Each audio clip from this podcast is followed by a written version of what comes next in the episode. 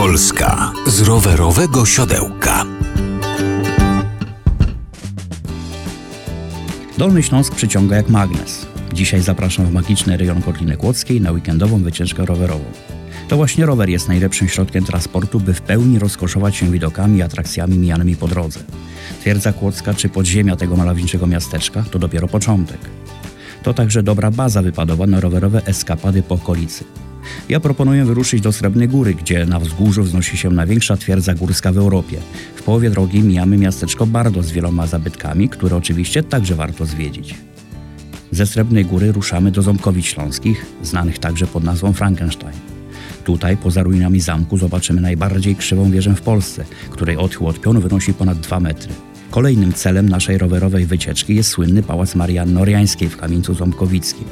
Jak głosi legenda, konie poiły się w marmurowych żłobach, przeglądając się w kresztowych lustrach.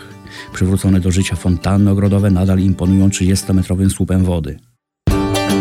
Rowerowe ścieżki. Znane i nieznane. Przed nami 8-kilometrowy odcinek spokojnego pedałowania w kierunku Złotego Stoku. Tutaj możemy spędzić nawet cały dzień. Kopalnia złota i tajemnicze sztolnie to punkt obowiązkowy. Możemy także poczuć dreszczyk emocji na najdłuższej tyrolce w Europie. To ponad półkilometrowa lina rozpięta nad pobliskim kamieniołomem i lasem. Średniowieczny park techniki także potrafi wciągnąć nie tylko najmłodszych. Weekendową pętlę możemy zamknąć wracając do Kłodzka.